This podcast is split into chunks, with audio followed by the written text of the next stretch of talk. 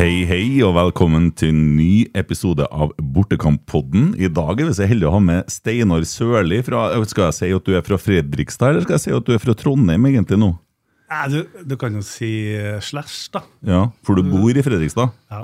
Du kan starte med å si Trondheim, også slash Fredrikstad. Ja. Du har bodd i Fredrikstad mange år? Ja, jeg flytta dit i 2001. Så bodde jeg der til 2007. Så flytta jeg opp hit igjen. Spilte eh, på Ranheim. Ja, det gjorde du, ja. Stemmer. Ja. Så røyk eh, kneet. Da var jeg 3-34, så jeg gidda ikke å trene meg opp. Nei. Da skjønte jeg at det var ferdig. Ja. Og så flytta jeg nedover igjen, begynte å få kids. Så flytta vi nedover igjen, savna litt været. Så da var i 2015. Ja, akkurat. Eh, ja, jeg har jo lest meg litt opp på deg og husker deg jo òg fra gamle dager. Og uh, du kom fra utleire opprinnelig, som jeg kunne finne ut. Ja, vi bodde jo på Risvollan. Ja, Eh, det, det er den fineste plassen å bo på i Trondheim. Ja, det var fint oppå der også. Kjenner du noen som bor der, Per Ivar. Ja da, det er, da, det er mange som bor der. Ja. Og det, det, det er mye kvalitet. Ja. Det er det. Det er nye Singsaker, det, vet du. Ja. Ja, ja Risvollan, ja. Sier du det? Ja. Ja. Dæven. Du husker en Brynjar Aune òg, du, vet du. Brynjar kjenner jeg godt, vet du. Det gjør jeg òg. Ja, ja, ja. Men dere spilte ikke på samme laget, kanskje? Nei, han spilte på laget til min bror, han. Ja, stemmer. Mm.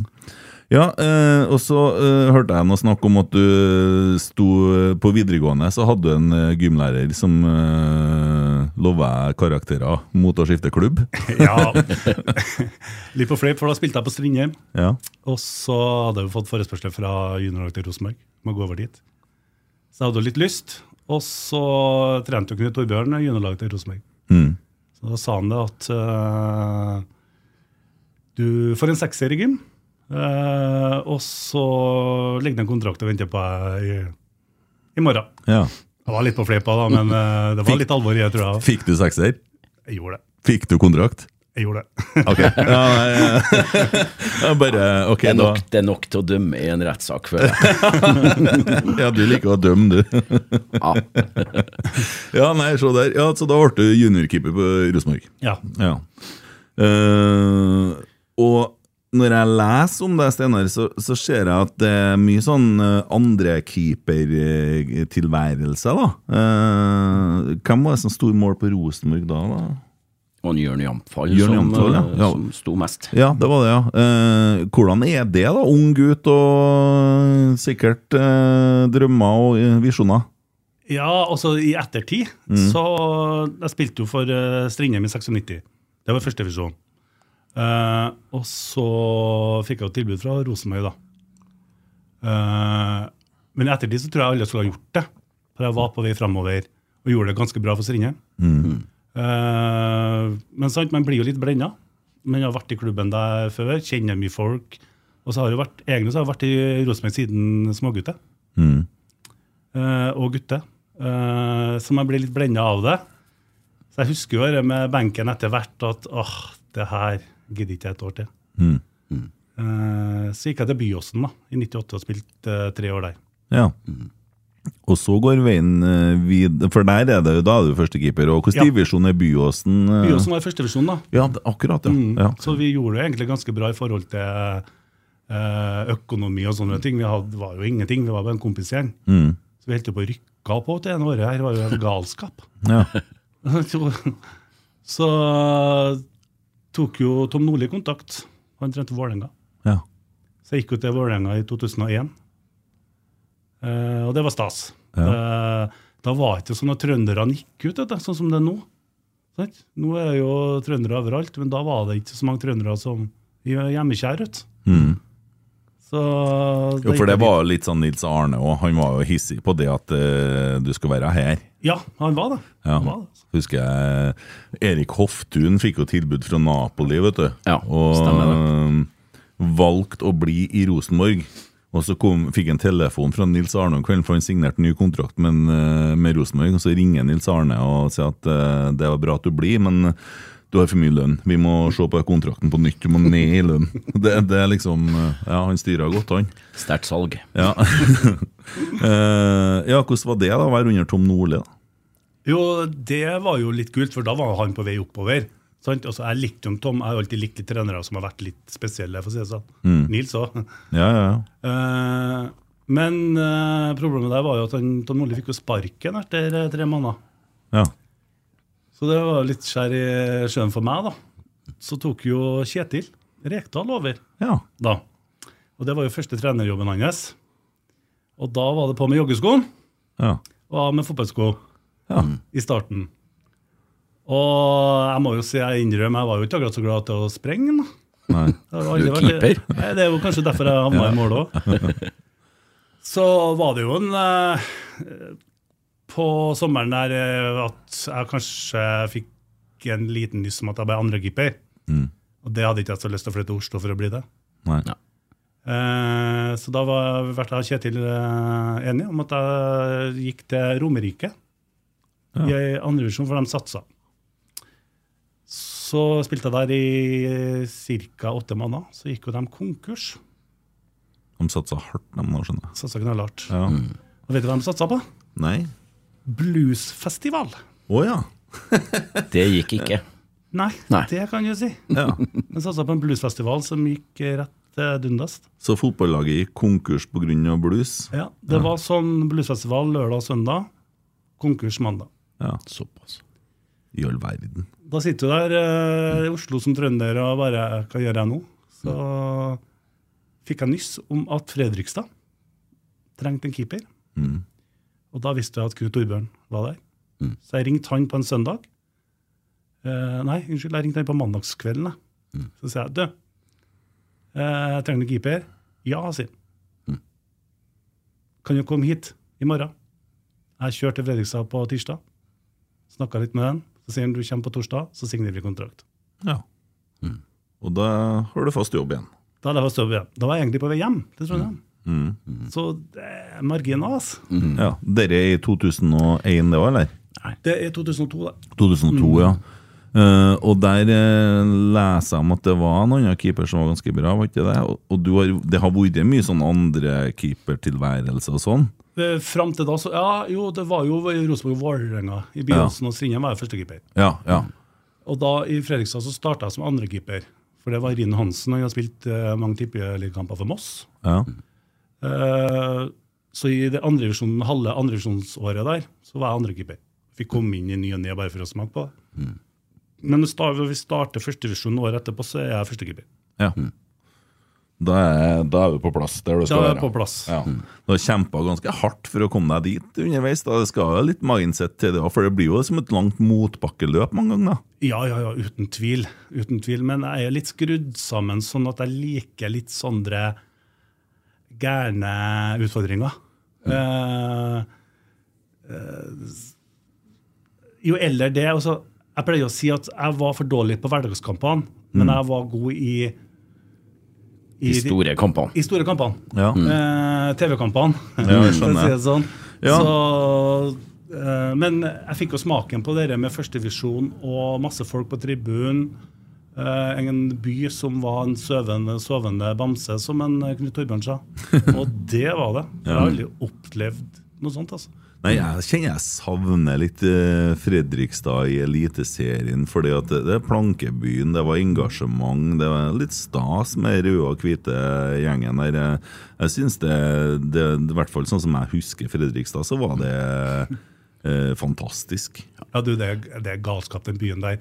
Nå har jeg jo tatt på meg en trenerrolle i for eh, Fredrikstad kvinner. Ja. Eh, så den første som ønska meg velkommen, vet du hvem det var? Nei. Ordføreren i Fredrikstad. Ja, ikke sant? Det er såpass, ja. Vi er der. Ja. Jeg husker jo sjøl når jeg dømte, ikke sant, det å komme til Fredrikstad, enten jeg var i førstedivisjon eller i Eliteserien, det var, det var en bra plass å komme til, altså. Eh, Det handler om atmosfære, det handler om folkene, og det handler om at de, de har sånn passion til, til, til klubben sin. At det, det nesten finnes ikke maken i, i Norges land, altså. Nei. Nei. Det, det er Brann og, Brann og Fredrikstad der, altså. Det. Trønderne er litt bortskjemt, altså. Ja. Er litt, eh, er litt det.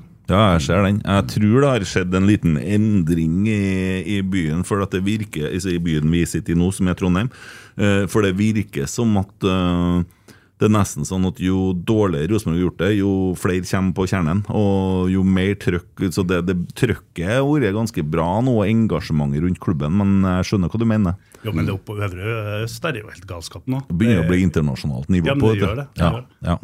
Men dere to, når vi møttes i stad, så, så begynner man jo da å snakke om en litt spesiell kamp, og det er jo i 2004. Den ligger ut på er det NRK eller TV 2 som tidenes kamp. Ja, 2005. 2005. 2005, ja. Eh, da står du i mål, og Fredrikstad må vinne for å berge plassen. Ja. Eh, start eh, må vinne for å vinne serien. Ja. Kjetil Rekdal igjen involvert, Ja, ja. men spiller da med Vålerenga mot Odd i en annen kamp. Men der skjer det jo ting, eh, Per Ivar, som vi har snakka om noen ganger før, men ikke i podden her. Nei. Nei, det er jo en hendelse i norsk fotball som de aller fleste har fått med seg, faktisk. For om det er ja, 18 år siden. Det, 19, vet du. Det blir, ja, det blir 19 til høsten, da, men det er 23 nå. Ja, nei, ja, ja, ja, ja, 2005, sa du. Hengte meg opp i 2004, vet du. Ja, vi korrigerte deg på det. Nei da, det som skjedde var jo selvsagt det, det Kampen eh, hadde nettopp starta. Eh, det var en corner imot eh, til dere, for eh, Start pressa som bare det. De var et bedre lag, og de hadde leda serien egentlig sto, store deler av sesongen. En corner som blir klarert. Spillet fortsetter, og så stanser spillet med et innkast på midten der. Da hører jeg en Steinar Sørli rope 'Per Ivar', Per Ivar. Så snur jeg meg, så ser jeg at han står over en av sine spillere, og det viser jo seg å være Dagfinn Enerli. Og da skjedde jo det eh, tragiske med, en, eh, eh, Dagfinn, at han i, i en duell der da fikk, eh, fikk en skade i, i, i ryggen som gjorde at han ble, eh, ble lam. Eh, jeg vet ikke, Steinar, hva, hva tenkte du noe, noe, noe spesielt gjennom kampen? Du spilte jo en fantastisk kamp der òg.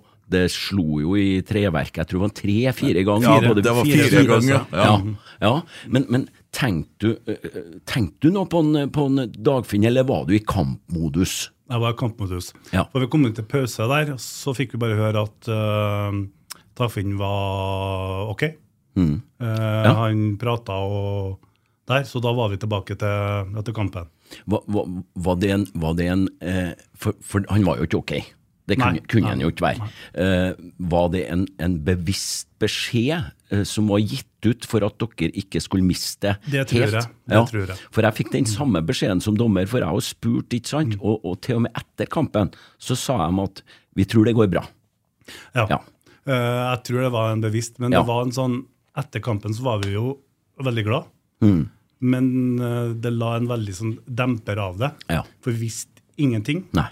Uh, når vi kom i bussen, så begynte vi å få um, meldinger fra supportere som hadde hørt på TV-en og David Vatne, og at det her ikke var så bra.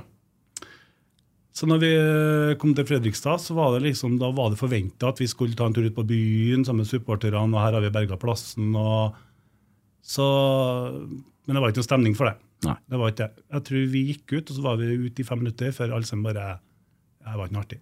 Nei. Så dagen etterpå så samla vi på klubbhuset, bare for å få en liten sånn oppdatering på det. Men eh, det var jo ikke noe mye oppdatering på det, det var bare at uh, han var i hvert fall uh, i live, da, hvis man kan si det sånn. Eh, så det gikk egentlig ganske lang tid før vi traff en Dagfinn igjen. da. Men det var en spesiell uh, opplevelse. Ja, og da lurer jeg på hvordan som lagkamerater kjenner hverandre kjempegodt. Det, det, det, det er en kompis ikke sant, som kjemper for, for livet sitt, og får i hvert fall livet sitt helt endra som følge av en uh, hendelse på fotballbanen. Hvordan, uh, hvordan påvirka det dere? Sikkert litt forskjellig, men uh... Jo, nei, men Det prega oss veldig. Altså, det som var, var jo at vi gikk ut i ferie òg ja. etterpå. sant? ja. Uh, jeg la merke til at det var mange som var igjen i Fredrikstad som egentlig skulle, skulle på ferie for å få med seg informasjon, være til støtte. Altså, um, men Knut Torbjørn og Per Egil Alsen var jo, klubben var jo outstanding i forhold til å gi informasjon til det de kunne, i alle fall. Og støtte opp uh, oss, da. Uh, så det var jo de nærmeste til en uh, Dagfinn som fikk møten først. da. Tor Tronsen og Lars. Blikst. Ja. Eh, Men jeg husker, altså en dag i dag så tenker jeg på det, altså. Du gjør det? Jeg gjør det. Ja. Veldig ofte så dukker det opp. Mm, det gjør jeg òg. Ja. For det som skjer der, er at en, uh, Enely går opp i ei heading, og så får han en medspiller over seg, så han lander egentlig på nakken, og så blir han han får seg en smell, rett og slett, så han blir pressa sammen der. Når jeg ser den situasjonen en dag i dag, så må jeg snu meg. Mm. Jeg gjør det også. Eh, når jeg ser den på TV2 her, så blir jeg sånn uh.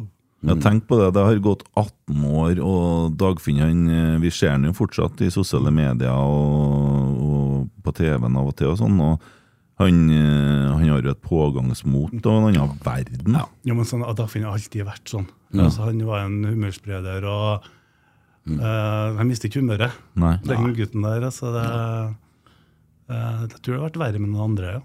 Ja, jeg forstår det. Eh, ja, nei, og så tenker jeg på det dere snakker om i forhold til Det tar litt tid, for at jeg, jeg krasja en gang med en lastebil, en trailer, og da tok det et døgn før jeg fikk vite om jeg var lam eller ikke. Jeg fikk ikke lov å røre meg. De skal jo gjøre noen sånn undersøkelser og sånne ting, men da var det liksom så sikkert smart å gi den beskjeden at ting er greit, da. Hvis ikke så hadde de sikkert måttet blæste av kampen. Ja, jeg, jeg tror det var helt riktig, det, for det gjorde ikke noe forskjell for, en- for en Dagfinn, ikke sant, uansett. Og, og, og, og det, det er vanskelig å se for seg det, det, det scenarioet der. Kanskje den riktige beskjeden har vært å, å, å, å ja, Han kjemper, han svever mellom liv og død.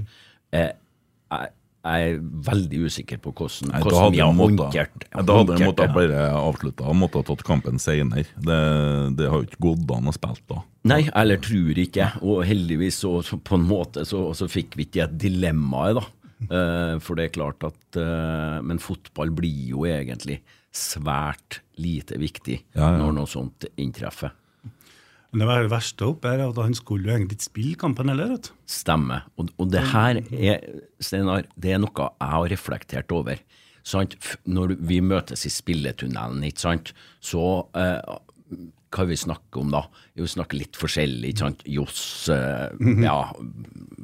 Du husker aldri, selvsagt, hva du har snakka med kapteinene og spillerne om når du står der og venter på at, eh, at eh, melodien skal spille og du skal gå ut på her. Men jeg husker nøyaktig hva han Dagfinn sa til meg den, eh, den aktuelle kvelden i, i, i- Kristiansand. Eh, for jeg, ser at han har på seg eh, gifteringen sin. Så sier jeg til en Dagfinn du, du, må, du må ta av deg den der, du og nå, eller i hvert fall teipen. Ja, men Mona blir så, blir så, blir så sur, sier han, og så med glimt i øyet, da. ikke sant? Og så er jo ikke jeg den største regelrytteren som fantes på den tida. Ja, det er greit. For da hadde vi jo var det uklart om han skulle spille, ikke sant? Helt inntil det siste, for han har hatt feber, var ikke det? Stemmer det. Han var Ja. Og, og, og, men så, han var jo en viktig spiller, ikke sant? Var jo kaptein på, på, på laget, ikke sant? For den Torben sa til henne at du spiller så lenge du tåler. Ja. Du er kaptein, og det sa han sjøl. Jeg Ja. vil gå framfor og, og prøve, i hvert fall. Mm. Her er den siste kampen vi bare kjører på. Mm, mm. Uh, og Dagfinn var jo aldri den som var innenfor egen 16-meter heller, vet du. Nei. Men i den kampen der, Ja. så er liksom alle for én og én for alle. og sånt. Og så er han jo innenfor 16-meteren, og så skjer det etter eh, fire-fem minutter. Ja. ja. Ja, det skjer tidlig. Og hvis jeg, så den kampen da, den er jo helt hinsides, eh, for det hagla jo imot deg. eh, Så det var mye som skjedde foran målet ditt. da. Ja, jeg husker jeg så Erik Soler, som var Sportssjef. sportssjef. Han sto bak målet mitt. Og jeg trodde han var rusa når han sto der, for øynene hans, altså. Det var, og det small i eh, treverket der. Og jeg så på han, det var Jeg, jeg syns nesten litt synd på han, egentlig. At de ikke Ja, ja ikke skåra på noe, ikke det var helt vilt. Ja, det, altså Når du ser dere der Tidenes kamp, da er det, er det på TV2, eller? Ja, det er på TV2. Eh, så er, du får jo litt vondt av eh, altså Selvsagt, det her Dagfinn Enerly-greia er jo overordna. Så det er klart det er det man sitter igjen med hvis man ser på kampen isolert, da, og det er det de har kjempa for nedi Kristiansand her, da. Så det er nesten så skal tro at det er noen høyere makter som har bestemt seg for at Ja, de skal ikke Nei, vi er jo på Sørlandet òg, da. Så Ja, nei, Du skal begynne å lure. Du skal tro at de hadde den med seg, da. ja, det er sant. Ja, nei, og eh, For et lag Start hadde den gangen. der da, Herregud, mye bra spillere, mye bra folk. Ja, virkelig, altså. Jeg ser lagoppstillingene nå, så er det sånn Oi. Det er, det er mange som har fått til det bra etterpå der, altså. Ja. Så spilte de jo en attraktiv fotball. Og det gjorde jo dere òg, ikke sant? Dere hadde jo Det var jo litt uventa at dere lå såpass langt ned, etter eh, det jeg kan huske. Ja da. Vi, på våren var vi jo egentlig ganske bra. Ja. Eh, vi slo jo til og med Rosenborg på Lerkendal den, eh, og 0-0 borte mot Vålerenga. Så, Men på høsten der så vi, vi hadde, var vi skada. Var vi Kvitta oss med noen spillere som ikke skulle ha kvitta oss med. og Det var litt sånn, var litt trøbbel i, i, i tårnet. da. Som trønder så bruker jeg å si 'glem 2005', for det, jo, Ja, det var- det var jo da rekka ble med. brutt. Men, Ja. men det skjedde jo noe der i forhold til den sportslige utviklinga. Knut Torbjørn ble vel henta inn, ble han ikke det? Jo, han ble henta inn midt i sesongen der eh, for å få litt fart på angrepsspillet igjen. Mm. Så da ble jo Drillo og Knut Torbjørn sidestilt som hovedtrenere igjen. Mm. Da ble det litt mer fart på oss framover. Mm. Eh, og det berga oss. Det Ja. gjorde det, altså. Ja. ja. Det er jeg sikker på. Da er det klart at uh, ja, med det forholdet Du kjenner jo en Knut Torbjørn eh, Eggen uh, ganske godt, har gjort det, ikke sant? Og de fleste vet jo at han valgte å, valgte å ende livet sitt. Mm. Hvordan år var det? Elleve, vet jeg. 11? Jeg tror det. Husker du noe av altså I 1988 tror jeg det var, så sto jo Knut Torbjørn fram eh, i media med at han var plaga med angstlidelse. Og den gangen så var jo ikke eh, Norge rusta for å Så det var jo helt nytt, det. Og han hadde jo med seg dere. Det gikk jo litt i bølger eh, i livet hans. Eh, og det var jo Nils Arne var jo veldig åpen person. Jeg vet jo når Knut Torbjørn uh, uh, døde, så var jo Nils Arne på brakka og snakka med, med spillerne her dagen etterpå. Selv om han ikke var trener, da, så, så var han allikevel for å gjøre det så enkelt mulig for dem å fortsette å møte han. da. Eh, men hva husker du i den tida der? Altså, jeg kom jo dit i andrevisjon. Da var vi jo ikke mange som Det var jo ikke noe stor klubb da. sant? Få som jobba i administrasjon, og det var liksom en kompisgjeng. Men så rykka vi opp eh, til Tippeligaen eh, to ganger på to år. Så ble det jo litt mer press. Eh, og man la litt altså, I ettertid, når jeg tenker på det, så husker jeg jo noen sånne små episoder eh, med Knut Torbjørn som eh, som eh, kanskje trigga litt på det, da. Den, den uh, sykdommen. Så det var jo Vi fikk aldri vite hvorfor han tok det friåret i 2005, men eh, vi hadde våre tanker om det. Mm. Uh, så det kan nok være noe i det der, altså. At uh, når klubben ble større og For han var jo som far sin, han òg. Han ville jo styre alt fra vaskekjerringa til spillerkjøp til billettpriser, nesten. sant? Ja. Ja, det er jo, Nils Arne er jo kjent for det. Han var jo, kom, så han var jo kommandert eh, guttene som sto oppe i stillasene her og snekra på Lerkendal. Han, eh, hvordan de skulle gjøre det til alt. Så, så, Ja, ja, sånn var Knut Torbjørn. Ja. Det var det, altså. Men uh, han la et veldig press på seg sjøl og var veldig redd, for han hadde jo dette her med at han eh, som liten begynte å lese om miljø, og at han var så redd for uh, det som skjer i verden og sånne ting. og han fikk jo store utfordringer med det etter hvert, og denne angstlidelsen. Og som Nils Arne sa i begravelsen hans, så ble det til slutt eh, lettere å dø enn å leve, rett og slett. Mm.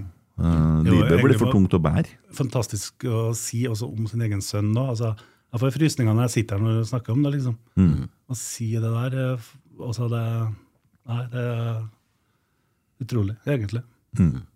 Ja, eh, jeg har, eh, jeg har jo vært veldig sånn engasjert i det som går på menn og selvmord, da. Eh, Fordi at det er en sånn balansegang der, og spesielt i sosiale medier og overfor unge folk, for jeg tror at det kan være litt sånn smittsomt. Og vi hadde jo en veldig kjent person som heter Ari Behn, som valgte å avslutte livet her ei jul for, for noen år siden. og og da opplever jeg litt romantisering av det, eh, på en måte som jeg syns kan være litt skummelt. Eh, ikke det at man, Jeg syns ikke det er noe bra å gå ut og snakke om det som en feighet. For at man må jo se på en måte litt sykdom i ting. Når, når man gjør noe sånn, så er man jo sjuk på et nivå.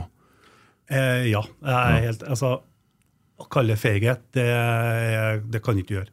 Det, eh, jeg har jo hatt en bror som har tatt selvmord sjøl, Jeg ser det. Ja. Oi. i 1998. Ja. Og det var ren og skjær sykdom. Kan jeg spørre hva, hva, hvordan sykdom skal du si? Eller en, Det var manisk. Ja, akkurat. Ja, hvor var du hen i livet da? Da var jeg på fotballkjøret, tenkte jeg å si.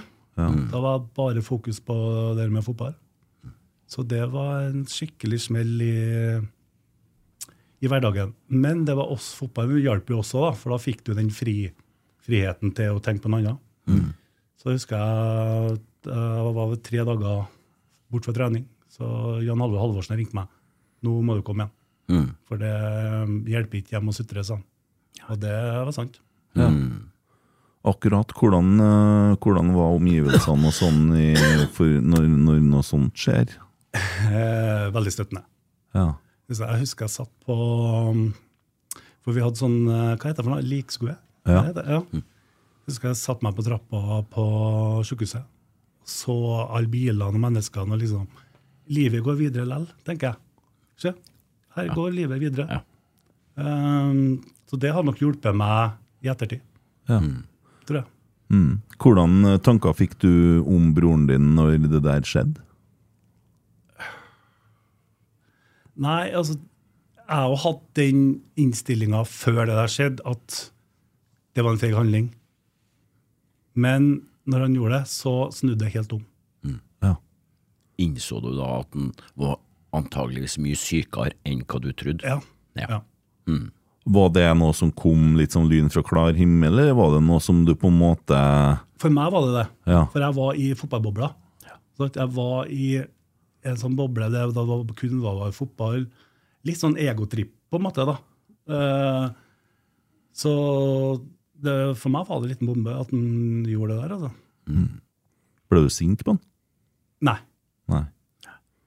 ikke. Husker du siste samtalen med han? Nei, det gjør jeg ikke. Nei. Eller kanskje. Vanskelig sak. Ja, ja det er det. Altså, det er ikke vanskelig å snakke om det. For det er så mange år siden, og det, jeg har jo bearbeida det òg. Men uh, eh, det er jo utrolig trist når det der skjer. Ja. Det, om det er han, om Knut Torbjørn eller Ari Behn eller hvem det er. Det er, jo, det er jo alltid noe som ligger bak. Ja. Ja.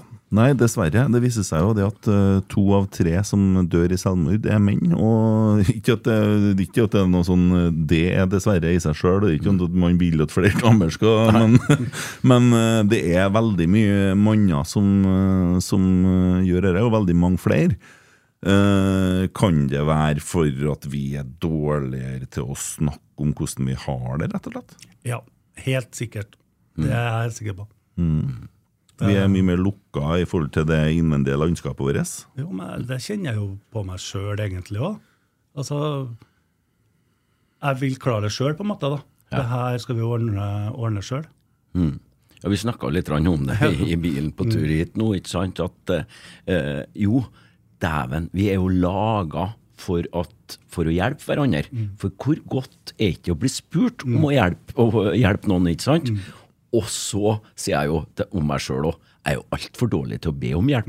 Så sier du det er du òg, ikke sant? Ennå vi vet det, og vi erfarer det hver dag. For jeg tror vi treene som sitter her, vi er, vi er typiske hjelpere uh, i, i personligheten vår. Så vi, vi vet hvor godt det føles å bidra til en forskjell uh, hos, hos folk. da. Mm. Ja, jeg er jo jeg er så heldig at uh, når jeg ble rusfri, som vi snakka om i den episoden der jeg var gjest med, sammen med Trond Haug, så, så fikk jo jeg komme inn i AAs program, og der er jo det siste steget. Det går jo på å gi det videre, uh, som er en vesentlig del av det å holde seg rusfri. Det at du skal hjelpe andre.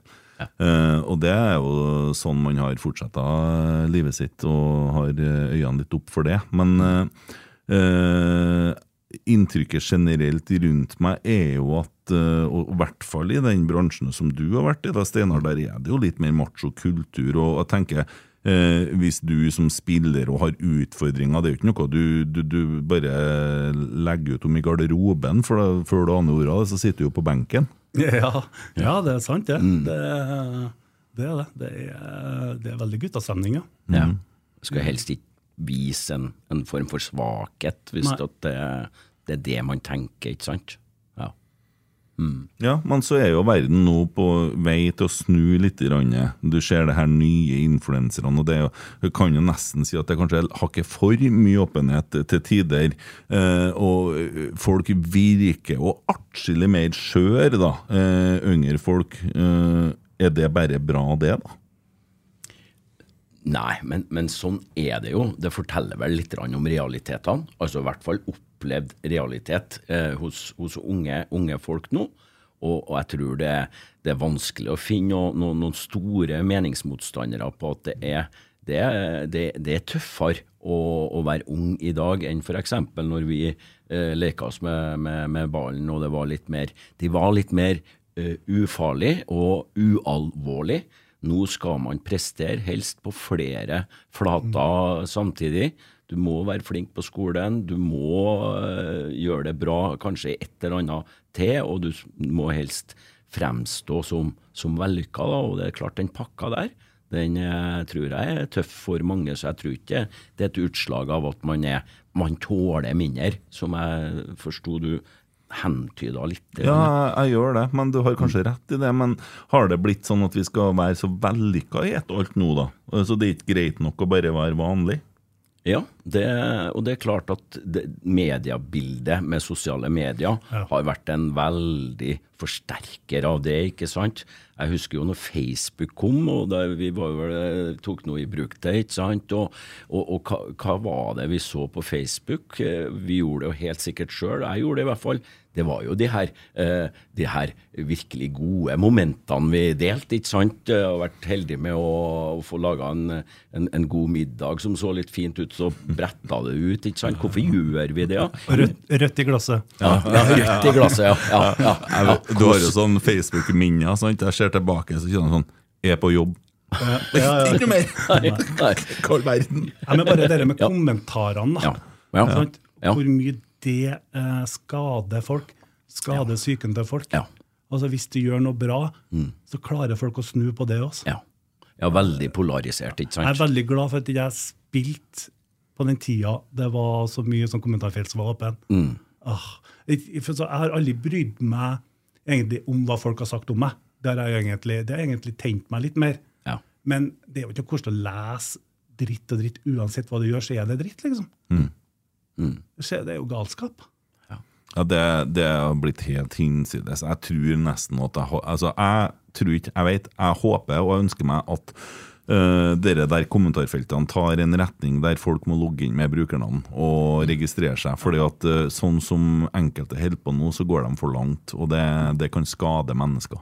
Ja, men det kan jeg. Ja, og det, det er ikke sånt vi trenger. Altså, sånn trolling som vi kaller det oppi her, da, det Nei. Eh, jeg var jo så dum at jeg laga en Rosenborg-sang for et år siden, og det tok ikke så lang tid. Så mange ble jo rørt, og veldig mye skryt og sånn, men det så begynner å komme de stikkerne. Og det, det, det er jo litt vondt. Du gjør det ikke for å sverte noen, det her. Det er jo gjort med hjerte og glede og sånn, men allikevel så kommer det, altså. Om det alle er så bra, så er det noen som irriterer seg. sant? Og det er jo dem du husker. Det er jo det. Det er jo dem du husker. Dessverre så er det Man sånn. er jo ikke sterkere enn det. Nei. Så nei, eh, folk må bli snillere med hverandre. Og så er det ja, for å håpe at eh, Det blir spennende å se hvordan retning verden tar i forhold til sånne kommentarfelt og sosiale medier, egentlig. Ja, jeg gruer meg allerede. Jeg har en sønn på åtte og en datter på fire. Jeg tenker om 10-15 år, hvordan ser eh, verden ut for dem, liksom? Ja, kanskje så lærer folk seg dette her etter hvert. Jeg har ei datter på ti. Jeg spurte skal ikke, kan du sette deg litt med, med telefonen nå, for pappa skal Nei, jeg har ikke lyst til å ha noe skjermtid nå, så jeg. Du omtalte det som skjermtid. Så sånn, Å ja, nei, så bra! Det, det var fint. Og da er jeg bevisst på at det hun gjør når hun sitter med telefonen, er skjermtid. da Og kanskje lærer de seg sånne ting i forhold til at de skal øve seg sos sosiale ferdigheter. Sånn. De må jo ta det med i skoleverk. Det må, det må jo bare bli en sånn greie. Hvis ikke så ender du med folk som sitter på skjerm 18 timer i døgnet. Ja. ja det, vi ser på åtteåringen, og vi har uh, skjermtid. Ja. For en time på tre dager i uka, liksom. Ja. Men det er vanskelig å ta fra han skjermen ja. Ja. når han først er der. Ja, De er flinke, de som lager eh, dingsene. De vet akkurat hva de skal lage for at du skal bli sittende og rulle. Så nei. Det, ja, nei, det jeg vet ikke om alt er like samfunnsnyttig. I hvert fall ikke for den mentale helsa. da. Nei, absolutt ikke. Um, jeg tenker på at vi snakka om det å hjelpe folk. Det er jo uh, utvilsomt noe med deg, for uh, du Når starta du å jobbe i Frelsesarmeen? Eh, I 2011 Ja. da uh, Jeg jobba jo egentlig i Trondheim kommune på noen sånn botiltak og rus eh, både for eh, damer og menn. ja. Og så uh, fikk jeg vite om en stilling i Frelsesarmeen som jeg søkte på. Eh, det var et natthjem for uh, menn uten fast bopel. Og der starta det egentlig, med, med det. Og så begynte jeg på Veita United som trener der, som er Anders Grambo. Så da har egentlig ballen rulla litt eh, etter det. Og jeg jobber jo i dag eh, egentlig, samme jobben i Oslo og Fredrikstad. ja. Hva, hva, hva består jobben av? Ta en sånn typisk eh, dag, hvis det, hvis det går an å bli typisk i den, den bransjen. Jobben min er Jeg er soneleder, heter jeg da, for gatefotballen i øst. Da har jeg ansvaret for, eh, for lagene i Fredrikstad, Oslo-området, Kongsvinger, Lillehammer, eh, Sandvika. Ja. Eh, Følge opp dem. Eh, Så trener jeg også et lag i Fredrikstad. eh, Et gatelag der. Eh, Så har jeg eh, ansvaret for en del eh, eh, arrangement i Oslo-området mm. gjennom Frelsesarmeen. Eh, Jeg trener også damelandslaget i gatefotball. Eh, Så i år eh, så skal vi til USA. Sacramento og spille VM i gatefotball. Oi, Ja, det er fint. Ja. det er fint, ja. Så det har Frelsesarmeen vært med på siden 2003. Har reist hele verden rundt. ja. Så det er, er artig. Så nå holder vi på å starte opp noe som heter for Stedet Fredrikstad. Det er tilbud for uh, folk som rusavhengige, tidligere innsatte Uh, uh, Andre folk da, som har trøbbel. Det vi ser nå, er jo etter koronaen har kommet, da, det er jo ensomheten. De som har trøbbel der. Og det er en plass som de kan komme til. En sånn kom og bidra sjøl-plass. De kan være med og bestemme hva vi skal gjøre om dagene. Eh, alt mulig fra å drikke kaffe til skiturer til fisketurer. Og så, ja, det, det er ikke noen begrensninger på det. da. Eh, Da må jeg spørre deg, for uh, jeg har jo hatt uh, kjenner jo Pål Aarvåg, som har gatelaget her i Rosenborg, og Eva. Hansen på Ranheim. Uh, Pål er veldig opptatt av det at uh, gatelaget handler ikke bare om rus, det handler om uh, også utenforskap. Uh, det finnes andre folk òg enn rusavhengige. Ja. Eh, Her er det sånn i Fredrikstad òg. Ja, Vi har et slagord i Frelsesarmeen som heter 'for mer enn bare'. Eh, og det er mer, Nå har vi starta sykkelgruppe òg, så det er mer enn bare sykkel, mer enn bare fotball. Eh, og det handler om akkurat det vi snakker om nå, det å komme og bidra sjøl. Det å kanskje følge opp folk eh, på Nav, eh, på forskjellige kontorer som de eh, Det er mange som har angst for å gå på Nav, f.eks. Mm. og det å bry seg, da. Altså, eh, folk tror at gatefotballen bare det handler om å komme og spille fotball, men det handler egentlig alt utenom fotball. Vi bruker bare egentlig fotballen som et verktøy for å få, få, dem, få dem inn. Eh, alt sammen har jo egentlig spilt fotball på et eller annet nivå, om det er gymmen, eller om det er på fotballag, eller sånne ting. Eh, og når vi får tak i dem, så For det er nettverksbygginga. De ser at oi, her er det ingen som dømmer meg. Ingen som spør hvorfor jeg er her. Um, for det gjør du i et vanlig liv. Sant? Og så har de et lag. De har tilhørighet. Ja. De er stolt. De er det. Jeg husker jo at jeg fikk jo lov til å dømme eh, en del av de, de lagene i Frelsesarmen. Når det, jeg husker ikke hvilket årstall det var. men 14, tror jeg. Ja, eh, her på, på, på Lerkendal. Og det som slo meg, og det, ferdighetsnivået, og det ser jeg jo nå, jeg dømmer jo gatelags Det er jo det eneste jeg, jeg bruker å si ja til, det er hvis de spør. For eh, grunnen er åpenbar. Eh, det er at eh, det oser takknemlighet. Det syns jeg er så godt å være en eh, liten del av. Da. Og da tenker jeg at det er sikkert mye av drivkraften din i jobben òg. For det, du lykkes ikke med alle, men det er noe Det er en sånn, litt sånn en ydmykhet og takknemlighet som, som jeg syns eh, er veldig sånn ja, felles for de lagene. Ja da. altså det er mange av de guttene her som har slutta med rus, som har blitt treningsnarkomaner. Sant? Altså det, de er så takknemlige for det de får, for de har aldri hatt et nettverk. Altså fra dem, Mange har vært eh, barnevernsbarn.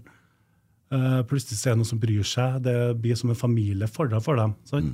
Og så er det, så jobben vår er egentlig å skape um, gode timer, rusfrie timer for dem. Uh, om det er én time eller om det er fire timer om dagen. Da er de i hvert fall uh, bort ifra rusen. da.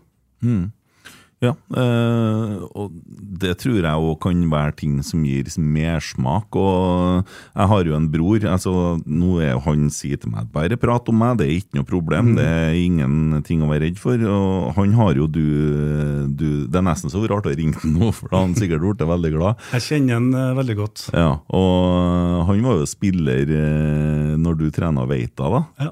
Uh, og får sånne glimt da, av uh, livet, sånn som det kan være. da. Uh, som jeg sier, rusfri, man får noe slags samhold og sånne ting. Og i dag så er jo han helt rusfri. Ja.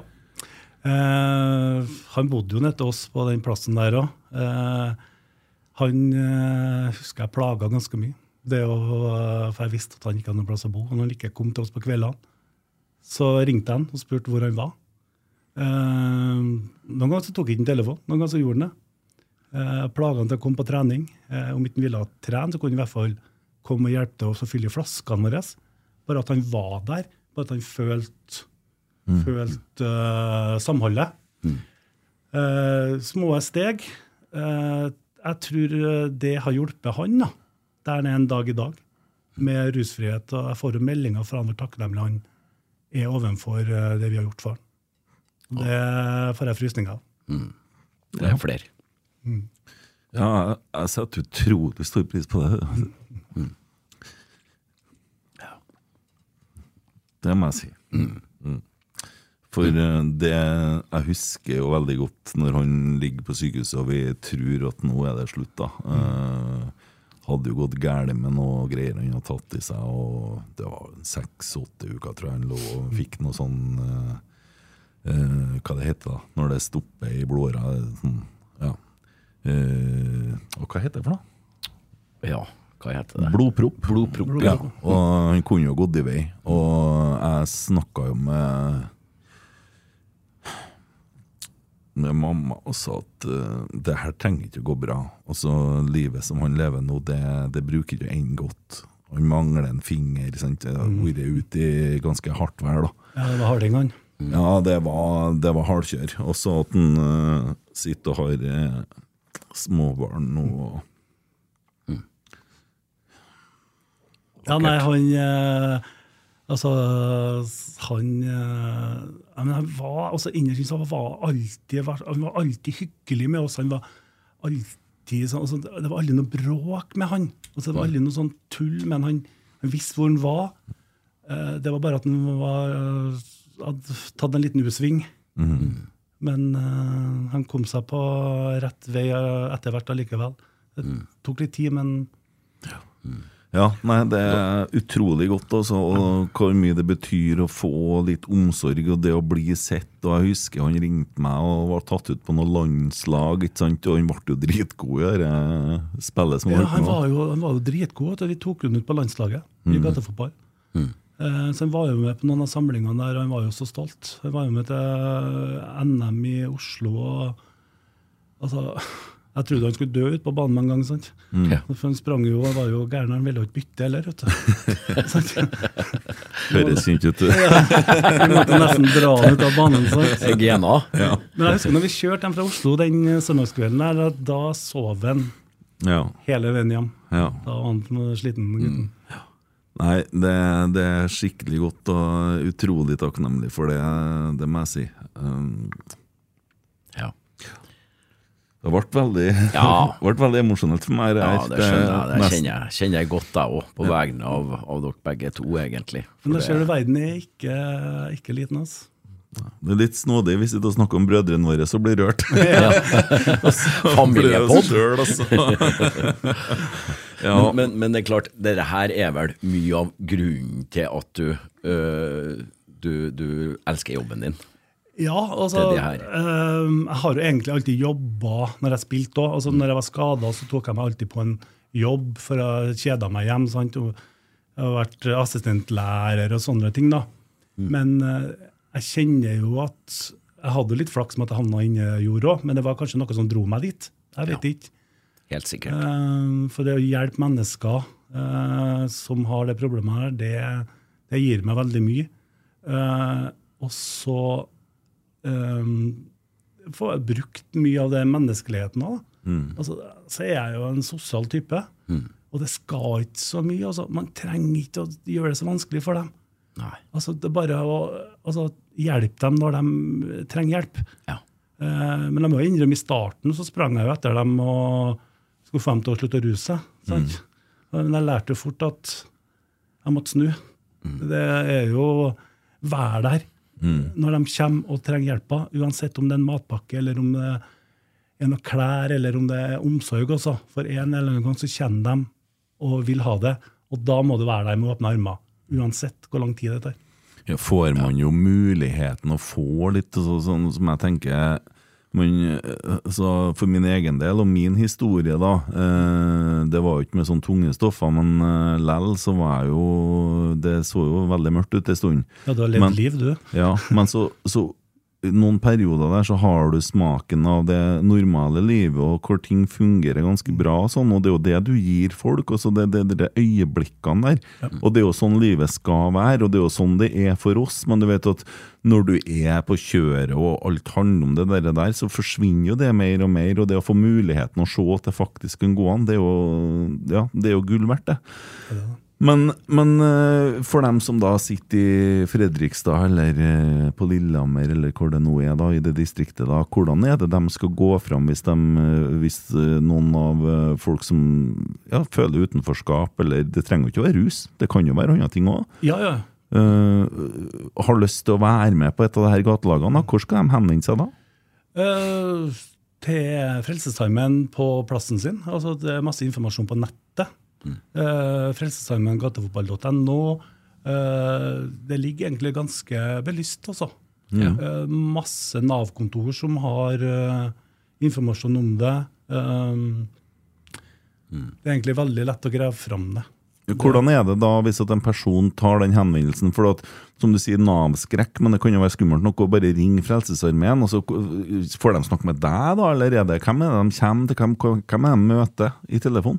Eh, De møter trenerne på de lagene. Eh, og det er mennesker som er satt til den jobben som eh, passer til den jobben, Det er folk som forstår det. som forstår det. Ja.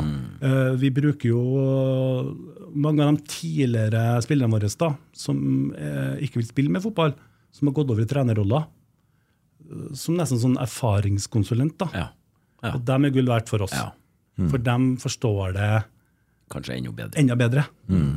Vi har jo, hvis jeg kan, eh, for det vet jeg, vi har jo en eh, kar på gatelaget i Trondheim her som heter Arne, altså på Rosenborg, som, eh, som hørte om dette her på den måten her, da, gjennom en annen pod, Rotsekk. Og han kontakta Pål dagen etterpå. Det var ikke rus, men det var andre ting. Ja. Uh, og ble med på gatelaget. Uh, I dag så er han materialforvalter for Rosenborg to dager i uka. Ja. Og EM, med, vært med på noen bortekamper, og det går jo helt strålende. Og det er jo sånne fantastiske historier hvor man bare, bare med å sitte her hjemme og opplyse folk. Og ja, det finnes så mye folk som har lyst til å hjelpe deg. Ja, ja det gjør det. Det gjør det. Dere to har jo øh, hatt litt med hverandre å gjort da, etter du la opp på Steinar, forstår jeg. Per Ivar sitter og har vært dømt øh, kampene nedi der, og, nei, på gatelag her og sånne ting. Eh, ja. Ja. Og så har vi jo brukt å treftes eh, en gang i året når eh, de gamle, gamle spillere og et par gamle dommere da, som, som møtes i, i september til NISO All Stars. Å ja, forklar. Det er For en sånn utenforstående som meg, hva er det for noe? Jo, det er et tiltak som NISO har, et veldig fint tiltak. For eh, eh, det er jo sånn at eh, alle som eh, har spilt fotball eh, og har et forhold til, til NISO eller er medlem, blir invitert på en fotballturnering. Da spiller vi sjuerfotball, og det, det er stort nok for, eh, for de fleste. Det er jo veldig stor forskjell, ikke sant, Steinar, på, på fra Jan Derek Sørensen til, til en annen spiller som ikke har, eh, ja, har samme forholdet som du har til joggesko. ikke sant? At de har kanskje ikke vært fram så mye, men, eh, men, men greia er vel Fotball, jo, den er viktig, den òg. Du vil jo vinne når drakta kommer på, og det ser vi jo. Ja, det ser vi. Det, er- Konkurranseinstinktet er der. Men det, er jo, altså det har blitt en sånn årets høydepunkt for mange. Ja. Eh, Komme seg vekk fra kjerring og unger i helg og møte den garderobekulturen. Og så er det så artig å se, for at folk eh, kommer innenfor porten på Bislett der, så detter jo alle sammen på plass igjen. Ja. Det, er, det, er det er garderobekultur rett tilbake. Om det er 20 år siden, så er det liksom samme greia nå. Akkurat samme klovnene. akkurat det er... Samme historiene, bare at de er litt verre fra år til år. Det er det. Og, og så blir vi jo sittende da etter turneringa er på Bislett og spise litt pizza og kose oss. Ja. Og så det er jo ingen som vil gå på hotellet og dusje. Nei. Vi vil bare sitte i garderoben og prate skit og om gamle dager. og Jeg husker, husker spesielt det i 2018, tror jeg var. Uh, vi satt i, i, i garderoben, som du sier, og så ble det jo snakk om en, eh, en tidligere kamp, da. Uh, ikke så langt herfra. Uh, du spilte mot Rosenborg, sto i mål for Fredrikstad da òg, og spilte ti på børsen. Og i garderoben så var det jo noen, noen spillere, både fra Rosenborg, Torstein Helstad var, Ja, var, var Torstein, ja, som, som var i Rosenborg da, og det ble rekonstruering av når de kom alene med dem, men det var jo helt umulig å få, få, den, få den i mål. Ja, altså, det, må, altså det er jo en, Jeg må jo si det har vært alt de årene så, altså, Det er jo blitt så litt sånn Dere husker Per Egil Alsen-målet? Ja. Ja, det husker jeg. Ja. Og Per Egil sier at her blir nevnt han hver dag. Har det blitt nevnt han. Ja. Men kampen der, jeg får høre om den kampen der Ja. nesten hver dag. altså. Ja. Og hvis jeg er ute og reiser sånn, og som det er i Bergen Folk husker den kampen der. Ja. Altså, det, For meg er, og Nå er det jo mye artigere nå enn før. Så, uh, for folk husker hva for noen detaljer om den òg. Jeg husker ikke så mye detaljer om den, men folk husker det. Jeg har sletta 2005, jeg, så Så det var jo, altså det var jo litt spesielt, sant? Altså jeg har jo øh, vokst opp med Rosenborg. Jeg har vokst opp bak Lerkendal der. Jeg har trent på grusbanen der, både på is og hockeybukse. øh, og vært på masse Rosenborg-treninger som skjedde, og spilt på Rosenborg.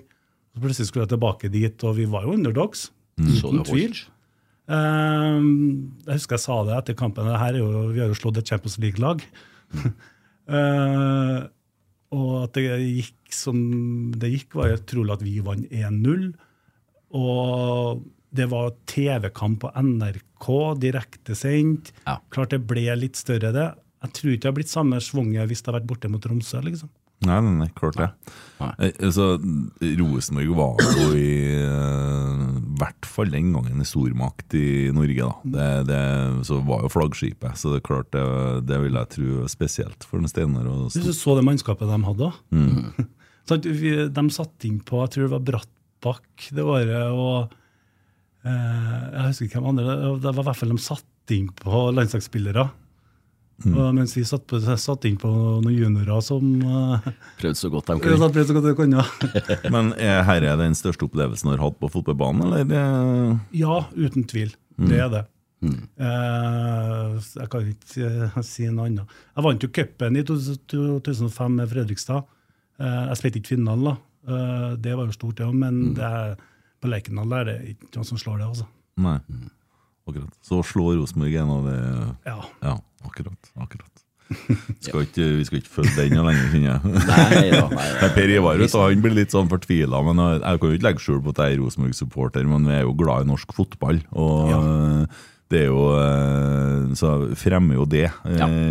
først og fremst. Og det er jo det vi holder på med. Så, sånn i, i ellers, da, mener jeg. Her er vi jo litt mer i dybden på spesielle tema og ja, Ja da. mennesker Men- og Jo da, men, men det er jo sånne øyeblikk som er med på å, på å forme oss, egentlig. ikke sant? Eh, Når, når en sier at en får nesten høre det daglig, ikke sant? at eh, det er tieren eh, på børsen, ikke sant? det er ikke så mange som har fått det. Uh, og det er, jo, det er jo noe som du kan ta frem når du, når du kanskje er litt, rann, litt rann ned, du òg, Steinar. Jo, jo, jo, men så klart. Altså, man tenker jo på det i ny og ne. Altså, når man eh, rydde igjen, da. Ja. Og så tar man, uh, har en sånn uklippsbok, sant? og så plutselig bare ja, ta et fem minutter der, så, Ja. så Ja. detter man fort tilbake, altså. ja, ja. Man gjør det. Mm. Eh, En annen ting som jeg tenker på uh, Vi snakker jo med mye fotballspillere, og sånn, og er det en ting som er litt sånn felles, så er det jo at man går og gruer seg litt den dagen gardina skal dras ned eller lyset skal slås av. Hvordan var det for deg når du måtte legge opp? Så nå ble du tvunget pga. kneet? Jeg vet Det var ikke noe problem. Eh, det er litt på grunn av at jeg eh, hadde litt å falle tilbake på. Jeg har alltid jobba, på en måte. Jeg har alltid gjort noe utenom fotball når jeg var skada. Eh, og fikk meg egentlig ganske fort eh, jobb i, i rusomsorgen. Så nei, jeg vet, altså, det har jeg aldri egentlig følt på. Eh, eh, jeg, savner jo det å Jeg savner jo garderobekulturen, øh, men jeg savner ikke det å være toppidrettsutøver. Det gjør ikke jeg. Jeg savner det å være god i form, ja. Det skal jeg love deg. Ja, det, er jo, det, det kan man jo alltid bli. Jo, det kan man. Jeg hører ja. veddemålet med deg og Rekdal. eh. Ja, vi, er- vi kan jo må nå si det òg. Ja, det må vi- Jeg og Kjetil har et veddemål. Vi har vært på skanneren til en eh, Ulrik Wisløw. Og mm, vi har målt fettprosent og vekt og alt sånn. Og vi skal se hvem som får det beste resultatet i løpet av 2023. Jeg tror det er oktober som er på en måte utgangen her, da. Du vet én ting nå, Kent. Jeg klarer ikke å dy meg. Nei. Nei, jeg må spørre deg. Altså, du får jo en sånn en, en indikasjon på hvor du er hen i treningsalder, er det? Eller metabolsk alder? Eller Ja, hva, det hva er kalles kondisjonsalder på vekta. Kondisjonsalder, ja. Eh, skal vi utfordre en Steinar på å tippe, uh, tippe Ja. hvor du havner hen? Og, og Ja. Rekdal òg, for den saks skyld? Jeg tror det er på 70, ja. Det stemmer helt. Jeg hørte på podden ja. sist. Å ja, du har avslørt det der, ja. Ja, har det. Ja. Nei, det stemmer. Jeg var 70 år, ja. Men uh, før vi begynte innspillinga i dag, så har jeg vært ute og gått eh, ni kilometer i dag. Øker på gradvis. Så det skal, skal bli bra form. Det skal bli beste versjon av meg sjøl i løpet av 2023. Men det du vet, er at det er ikke tatt søsk 70, vet du. Den øh, nye 60. Ja, ja, ja. Jeg eh, satt og tulla med deg Kjetil Rekdal at vi kunne få honorbillett på Nei, det, det er en artig greie vi har gjort i den supporterpodden. Og det er jo folkehelse. Altså, det jeg merker, da, for å si det når vi først er inne på temaet, det er jo at eh, jeg har jo vært ganske flink til å trene de siste årene. Og så har jeg, når at vi begynte å bli litt gravide her, og sånn, så la man det, det, Du vet nå hvordan det er. Uh, og det som da skjer med psyken, er at man flater veldig ut. Altså. Man blir eh, nesten litt under eh, eh, Dupper litt og blir mer irritabel og ja, slapp. Og det, det går utover humøret og, og psyken, egentlig.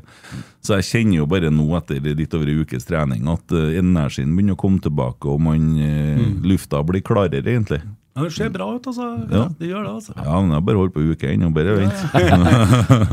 Det er ma maskin i, under produksjon. Ja, men det er interessant, da, for nå var jeg jo så klar over, over det òg. Det har ikke jeg kanskje vært før, hvor mye dere henger sammen. med altså eh, når du har uh, Vi snakka vel om det i poden der Trond var med, i forhold til hvordan behandler man f.eks. psykisk lidelse. da. Det er jo ikke at jeg, Nå er jo livet mitt bra, og jeg har det bra og er i balanse.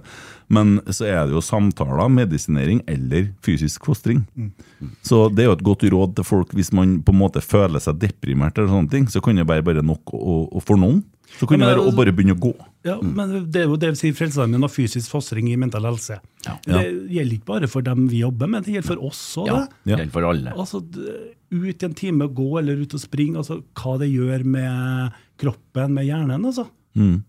Om ikke noe annet så får du enda bedre samvittighet for å sitte og se Netflix resten av kvelden. Ja, det er jo Kanskje ta fingeren nedi skåla.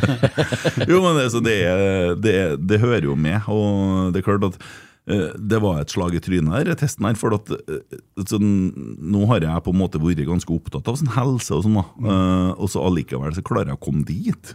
Ja. Ja. Eh, det er jo sånn, hva i all verden? Uh, og det har gått fort. Så Nei, man er avhengig av å legge inn en sånn der rytme hvor man beveger seg litt, tror jeg, både for mental helse og for helsa si. Jeg er helt sikker på det. altså. Ja. Eh, du har jo ganske små barn nå? Har fire og åtte år. En jente på fire og en gutt på åtte. Ja. Så jeg var sein ute i avtrekkeren. ja, det var du. Ja, men det, det er godt å være voksen forelder. Jeg tror det kan nesten være en fordel. Da. Jo. Nei, men jeg, jeg, var så, jeg tror jeg var så oppe i den eh, fotballbobla når jeg holdt på, at det var mye reising. det var mye sånn, Jeg, jeg følte at jeg ikke fikk tida til det, på en måte. Mm. Det er dårlig unnskyldning, men, eh, men når jeg slutta, så skjedde jo det som skjedde. Og det, jeg kan ikke klage på det. Nei. Veldig fornøyd med kidsa. Det er fint. Eh, har du noen sånn ambisjoner eller drømmer for fremtida, eller noen sånn tanker om hvor du skal hen? Nei, egentlig ikke. Jeg er veldig sånn eh, dag for dag og jeg koser meg med livet. Og det som skjer, det skjer, altså. Um, jeg er veldig enkel sånn, og det sier hun hjemme òg. Ja, det Det er fortvilelse mange ganger. ja. Du lever bare her og nå, du. Ja, ja, ja, det er litt sånn, altså. Den fikk jeg, jeg for ikke så lenge siden. Det stemmer. Jeg er veldig der. Eh, ambisjoner kan ødelegge mye. der, Så det er dagen i dag som teller. Ja, det gjør det. men det er det. Man må kose seg i dag. Ja, men dere er lurere sagt enn eh, det, det jeg tror dere tror sjøl. For uh, vi har en tendens til å tenke eh, fremover, for da skal det skje så mye. Men dagen i dag, den er søren meg det aller viktigste. Det er jo det. Ja, det er det. Ja. Det er som jeg sa til deg i bilen nå, så, jeg gidder ikke å jobbe med sånne som oss, da. Nei. Som er på midten av livet. Sant? Vi er fornøyd med livet. Vi, vi klager litt på strømregninga og alt det der. Men jeg vil heller jobbe med folk som har lyst da, til å gjøre noe. De som er langt ned. De har lyst til å dra seg opp. Eller sånn som eh, trenerjobben i Fredrikstad nå. Sant? De jentene der som har lyst til å bli et hakket bedre. Som du kan eh, Men sånne som oss, vet du, sånn sullika som er midt i, midt i det, nei. Vi flyter med. Ja, vi, ja, vi Ja, gjør det. Vi ja. gjør det. Uh, apropos leve i nuet, jeg fikk meg en bra en fra svogeren når vi var på Gran Canaria her. Og så hadde jeg snakket, jeg hadde forelest nesten om det her med at jeg lever nå. Jeg er ikke så veldig opptatt av hva som skal skje i morgen. Sånn, det, det, det er så ekstremt at når vi skulle reise, så tenkte ikke jeg på den Gran Canaria-turen før den dagen vi skulle reise. Nettopp. Da var jeg, da var jeg der. Eh, og så sto jeg og så tok jeg bilde av eh, soloppgangen. Mm. Sånn. Å ja. Du står her nå og tar et bilde som du skal se på i morgen og minnes hvordan det var i går. Akkurat, ja. Det var nuet. Har tatt med buksa litt Jo, men vi gjør jo det hele tida. Ja. Og så er Ja, telefonene opp hele tida. Hva skal med det der? Skal vi sitte og se på det etterpå, hvordan det var i stad? Det handler jo om nå. Ja, men det er akkurat det der. Hvis du er på Ja. konsert, da, Ja. så står altså 10 000, og så står 9000 med mobilen opp. Ja. For de får ikke med seg den eh, opplevelsen der og da. Men når de kommer i sofaen eh, dagen etterpå, så skal de sitte og se på konserten. Nei, men du gjør da ikke det heller. Har du sett hvor dårlig sånn Ja, opptak er? ja. Du bruker det jo ikke nå. Nei, det, det er sånn derre 'jeg er her, se på meg'. Ja. Riktig. Og tusen takk for hvor hvor lite interessant er det å få lange snaps, eh, snaps fra, fra, fra, en konsertopplevelse? Det kan være den beste stjerna der, ikke sant? Men det gir deg ingenting. Nei? Hvorfor kan du bare holde den ned Ja. og nyte det der og da? Yes. Jeg kan jo skrive på Facebook 'Jeg har vært på konsert'. Ja. Hvis det er det som skal Ja, nei, det, det er helt utrolig. Og det er det som er så godt å se gamle rockekonserter når det ikke var mobiltelefon, hvor folk faktisk var helt med. Ja. Det var lightere, da. Ja, og så hopp, hoppa man, og så dansa man, og så var man med Ja. på konserten, var en del av showet. Ja. Nå er det sånn distanse. Det skaper sånn distanse i skjermen. Det gjør det. Helt utrolig. da. Ja, På så mange måter. ja nå har vi, nå har vi dissa skjerm bra. Ja, men det, og det, og det må er vi bare fortsette med. Det er fortjent. Ja, det Skjerm er forferdelig. Husker du når vi spiste middag den dagen? Hvor jeg sa vi legger telefonene i en stabel, opp ned. Ja. Den første som tar og sjekker telefonen, han må betale maten. Ja. Det er en fin regel. Skal du ut og spise middag med venner, legg bort telefonene på lydløs. Han første som sjekker, han må betale. Ja. Ja. Det- Det var meg, hvis det er noen som lurer Du på det. betale. Ja, ja, men det hadde du måttet likevel. Ja. Men uh, ja, ja. Vi har en regel hjemme på fredagskveldene, så pleier vi å se film med åtteåringen. Mm. Så hvis eh, vi eh, voksne tar opp den automatisk, så får vi eh, varsel fra han. Mm. Det er smart. Ja, da sier han fra. Ja. Og da gjør oss oppmerksom på det. Mm. Det er bra, ja. Ja, han Trond som var med her, han har et begrep som jeg syns er veldig fint. Og det er at folk burde bli bedre på oppmerksomt nærvær. Ja. Bra sagt. Mm. Vi har bruk for det. Om du så er alene. Absolutt. Vær til stede. Og derfor tror jeg veldig mange sliter med å sove òg. Fordi at når du legger hodet på puta, så kommer virkeligheten på besøk. Så har du kanskje flykta hele dagen og, og, med skjerm og andre ting. Og så legger du ned hodet. Ikke noe skjerm, ingenting. Der kommer den. Ja. Det gjenspeiler jo litt av den jobben jeg gjør òg, for det ser jeg mange som sliter med søvn. Og tror jeg Når de legger nedpå der, så tror jeg det er mye tanker som kommer om livet generelt Ja. Tilbake. Mye bekymringer for framtida, og kanskje noe som skjedde i går òg, som er Ja. Ja, nei, men jeg tror da vi holder på å lande litt grann på fotene. Jeg tror ikke det, Per Ivar. Jeg har både kost meg og skrekket litt, grann, jeg òg. Ja. Eh, og det, det har vært fantastisk å ha deg på besøk senere. Og så må vi, vi må holde kontakten, og så ses vi på NISO Allstars til, til høsten. Ja, det gjør vi. Tusen hjertelig takk for at vi kom. i hvert. Ja. Jeg hører jo på dere hver gang, så Jo, det er utrolig, utrolig interessant. Dere har virkelig fått det til. altså. jo, takk for det. Takk. Og tusen hjertelig takk for at du tok deg tida. Takk.